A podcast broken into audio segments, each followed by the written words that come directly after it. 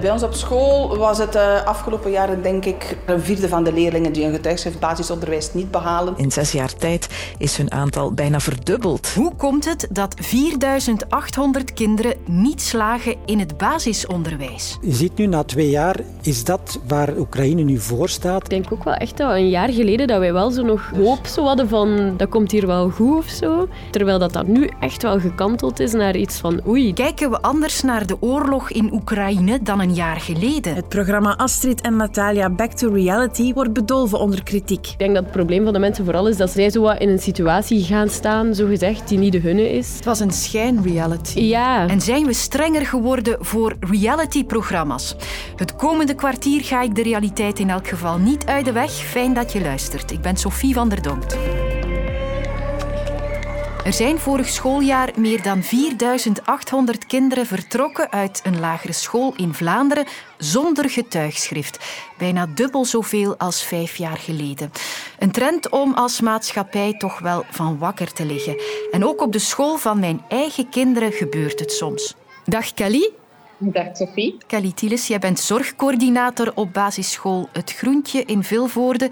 Wie zijn dan de leerlingen die dat getuigschrift niet halen? Um, het is voornamelijk vanuit het vierde of vijfde leerjaar. Als ik dan kijk naar vorig schooljaar, dan zitten we op een vier, vijftal leerlingen uh, die vertrokken zijn zonder getuigschrift.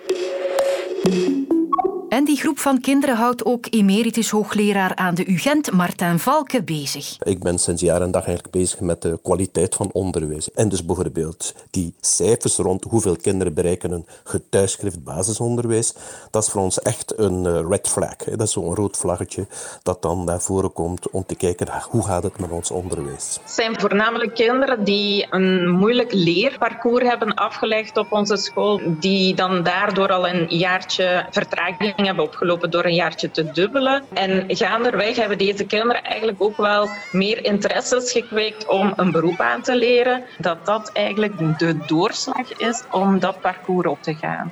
Wij hechten daar heel veel betekenis aan, want heb je dat getuigschrift niet, dan ga je niet naar de A-stroom in je secundair onderwijs, maar onmiddellijk naar de B-stroom. Nu, in het oorspronkelijke plan van het secundair onderwijs, de vernieuwing, was dat eigenlijk geen probleem. Dat was een soort extra traject waar je extra ondersteuning kreeg.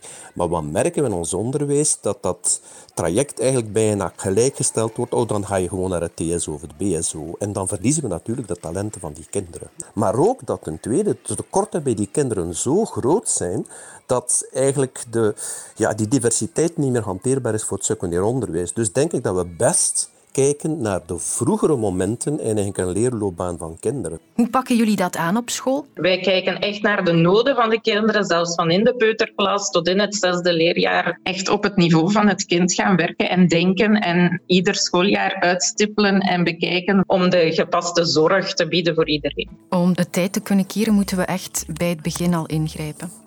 Ja, en eigenlijk echt in het kleuteronderwijs. Maar dat kan je niet doen op onze klassieke manier van onderwijs organiseren. In Vlaanderen zijn we goed bezig in die zin dat meer en meer scholen ontdekken dat het beter is om met niveaugroepen te werken. Dat betekent, een leerling kan voor een bepaald deel van de eindtermen, bijvoorbeeld voor wiskunde of taal of meer wetenschappen techniek, kan die voor in een aparte groep aan de slag gaan die meer op zijn of haar niveau is. En dan kunnen zij daar op dat niveau sneller vooruit gaan. En dan merken we dat zowel de goede leerlingen als de zwakkere leerlingen daar baat bij hebben. En we zien dat scholen dat meer en meer omarmen, omdat ze zelf het succes daarvan ervaren. Je kunt natuurlijk je stinkende best doen als school om het maximum uit een leerling te halen. Onderwijskwaliteit is één ding, maar er zijn natuurlijk ook de capaciteiten van kinderen. Zijn er redenen om aan te nemen dat die erop achteruit gegaan zijn? Nee. Twijfelen dat plots uh, algemeen het intellectueel vermogen van kinderen achteruit gaat? Nee.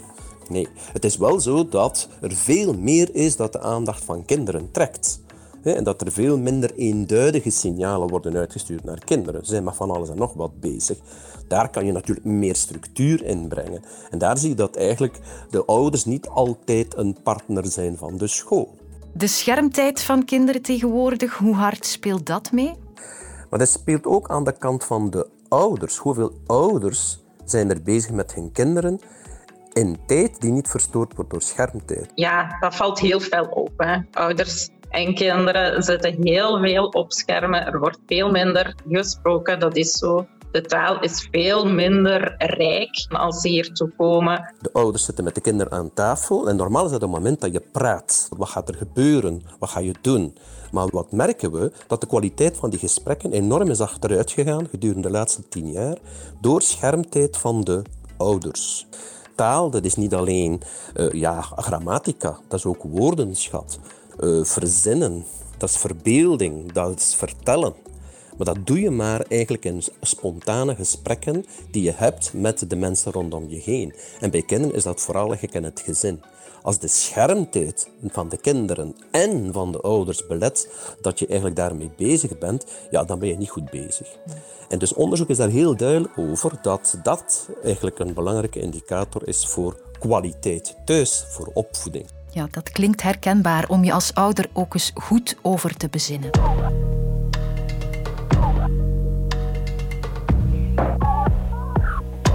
Morgen is het exact twee jaar geleden dat Rusland binnengevallen is in Oekraïne. Waar de wereld de adem voor inhield, is gebeurd. De Russische president Poetin heeft vannacht een militaire operatie in gang gezet tegen Oekraïne. Een jaar geleden belde Lode in het kwartier met verschillende mensen over hoe zij het toen zagen evolueren. Nu zijn we alweer een jaar verder en het einde van de oorlog is helaas nog niet in zicht. Daarom bel ik opnieuw naar twee mensen die je in die aflevering van 24 februari 2023 kon horen. We beginnen met Mark de Kruijf, oud-commandant van de Nederlandse strijdkrachten. Hallo. En een jaar geleden vertelde hij dit. We zien dat het leiderschap van het Russische leger is geërodeerd. We zien dat er enorme materiële schade is en dat de Russen grote problemen hebben om hun eh, materieel te vervangen. We zien nog steeds dat er grote verliezen worden geleden aan de Russische kant. Maar we zien dat het initiatief in deze oorlog wel is gekanteld omdat het Oekraïnse leger niet in staat was om een uh, succesvol offensief uit te voeren. Mede door de uitgebreide verdediging uh, van de Russen ligt het uh, initiatief nu bij de Russen. Die denken dat als we deze oorlog maar lang genoeg kunnen volhouden, dat Rusland deze oorlog wint. En ik spoel ook nog even terug naar deze uitspraak. Dan denk ik dat de kans dat het Russische leger deze oorlog wint, dat die met de dag minder wordt. Nou, waar wij dachten dat een jaar geleden nog Oekraïne door offensieve operaties het uh, initiatief zou kunnen behouden en de bevoorradingslijnen van de Russen zou kunnen aanvallen, is dat nu anders. Dat moeten we nu nuanceren. Op land ligt nu het initiatief bij de Russen. Ik verwacht dat zullen laten zien in een offensief dit voorjaar. Oekraïne is in het defensief gegaan om vooral mensen te sparen en zuinig met de schaarse middelen om te gaan. En die militaire verschuiving heeft ook impact op de moraal van de Oekraïense bevolking. Ik leg na een tweede jaar van oorlog opnieuw een lijn naar Kiev. Hallo. Daar woont de Vlaams-Oekraïense Anastasia Galushka. Ze kan ons nog eens een inkijk geven in het hoofd van de Oekraïners. De stemming in Oekraïne nu is um, moeilijk te beschrijven. Ik wou dat ik, dat ik beter nieuws had. Ik denk dat, dat heel veel Oekraïners nu echt beseffen dat de oorlog niet gauw voorbij gaat zijn. Dat het, uh, ja, dat het inderdaad nog jarenlang gaat duren. Veel Oekraïners beseffen ook en zien ook dat de steun van het Westen aan het dalen is. Dat er uh, ja, Ukraine-fatigue plaatsvindt in het Westen. Dat mensen steeds cynischer worden over de kansen die Oekraïne heeft. En natuurlijk ook het constante nieuws van het front blijft zwaar. Er zijn niet veel overwinningen geboekt in het voorbije jaar. En, en er blijven nog altijd mensen sterven natuurlijk langs beide kanten. Wat het meer is dan ooit, is, is eigenlijk gewoon de moeheid. Mensen zijn echt moe. Ze willen, ze willen dat dit stopt. Maar Oekraïners zijn er ook gewoon van overtuigd dat zij die macht niet hebben om de oorlog te stoppen. Want als zij de oorlog stoppen, of als zij stoppen met vechten en, en het opgeven, dan, dan wil dat zeggen dat heel Oekraïne vroeg of laat onder Russische occupatie komt. Toen Lode haar een jaar geleden vroeg... Waar denk je dat we staan over nog eens een jaar? Op 24 februari 2024. Was dit haar antwoord? Dan hoop ik dat jullie mij van de Krim bellen en vragen hoe dat de zee eruit ziet. Dat is zo de grote droom voor, voor alle Oekraïners. Maar die droom om de zee te zien van op het schiereiland de Krim is niet uitgekomen. Uh, nee, nee, dat is echt een reality check geweest hoor. nee, ja, tuurlijk hoop je dat nog steeds. Maar um, of ik het realistisch vind Nee, op dit moment echt niet meer. Ik denk dat ik over een jaar, als we dit gesprek nog eens gaan hebben, nog ongeveer vanuit dezelfde positie zal kunnen terugbellen.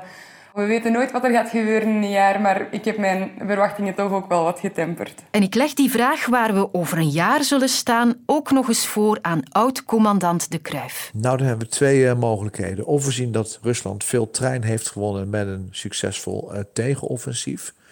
Of we zien dat de uitputtingsoorlog uh, die we nu zien, dat die nog steeds aan de gang is zonder dat er veel beweging in de frontlijn is. En wat het wordt hangt vooral af van de steun van Europa. Blijft die onverminderd, niet alleen in materieel opzicht en financieel opzicht, maar ook in moreel opzicht. Blijven wij Oekraïne steunen. En dat is weer van grote invloed op het moreel van het Oekraïnse leger.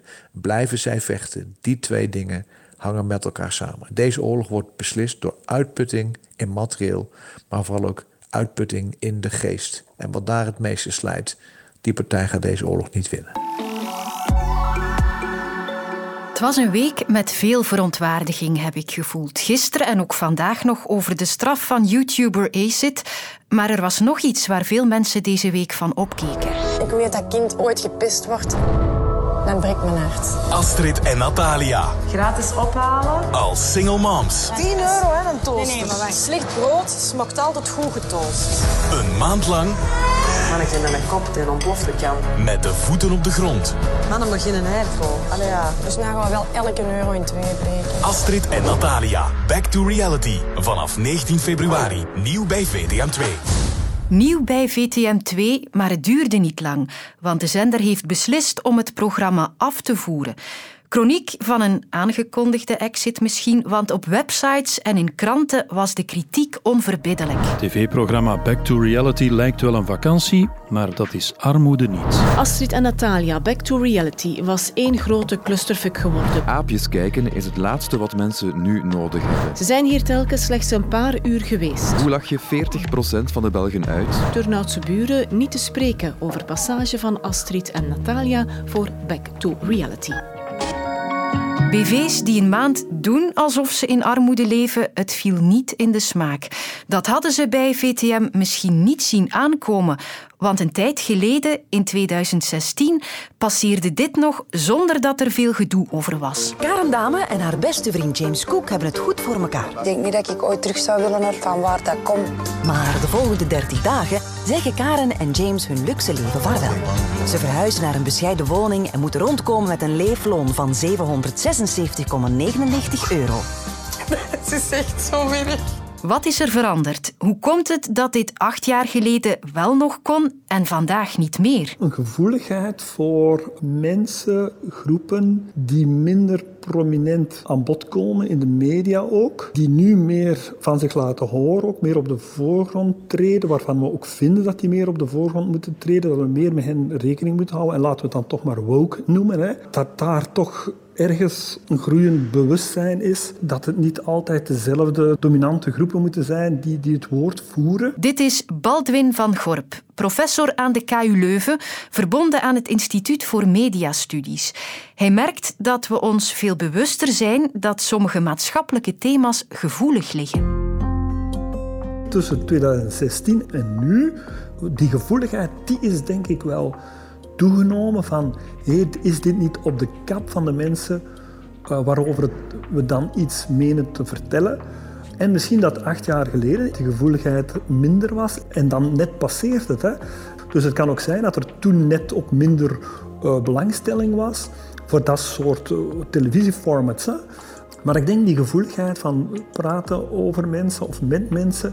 Ik, ik merk het trouwens in mijn eigen onderzoek ook. Ik heb onderzoek naar armoede gedaan, naar eh, mensen met dementie. En in die onderzoeken kwamen die mensen zelf ook niet aan bod. Om maar iets te zeggen. Of, of over migratie. Mensen met migratie, die komen dan in mijn eigen onderzoek ook amper aan bod. En nu weet ik dat dat wel een, een belangrijk punt is om mee te nemen in mijn eigen onderzoek. Om je oor te luisteren te leggen om meer ja, participatief te werk te gaan. We hebben allemaal blinde vlekken en dat is ook, denk ik, een groeiend bewustzijn van hé, hey, we hebben blinde vlekken. Welke vlekken zijn dat? En wat kunnen we eraan verhelpen? Wat gaat dat dan niet ten koste van die mensen? En dus kan vandaag niet meer wat acht jaar geleden wel nog aanvaard werd. Diversiteit is ook een topic dat veel meer prominenter op de voorgrond is getreden dan acht jaar geleden. En ja, dat zijn toch wel dingen die zich kunnen vertalen in, in wat we dan in dit geval merken. Dat er meer commotie is en we denken of vinden van ja, dit kan anno 2024 niet meer. Hoe het er in het echt aan toe gaat bij het kwartier kan je mij volgende week zaterdag zelf komen vragen op het podcast-event van VRT Max in Mechelen. Prettig weekend. Fan van True Crime? Luister dan ook naar Onder ons Crimi. Fatma Taspinaar en Filip Heijmans, ja, die van Waar is zuster Gabriel, en hun collega's van de nieuwsredactie praten je bij over de actualiteit.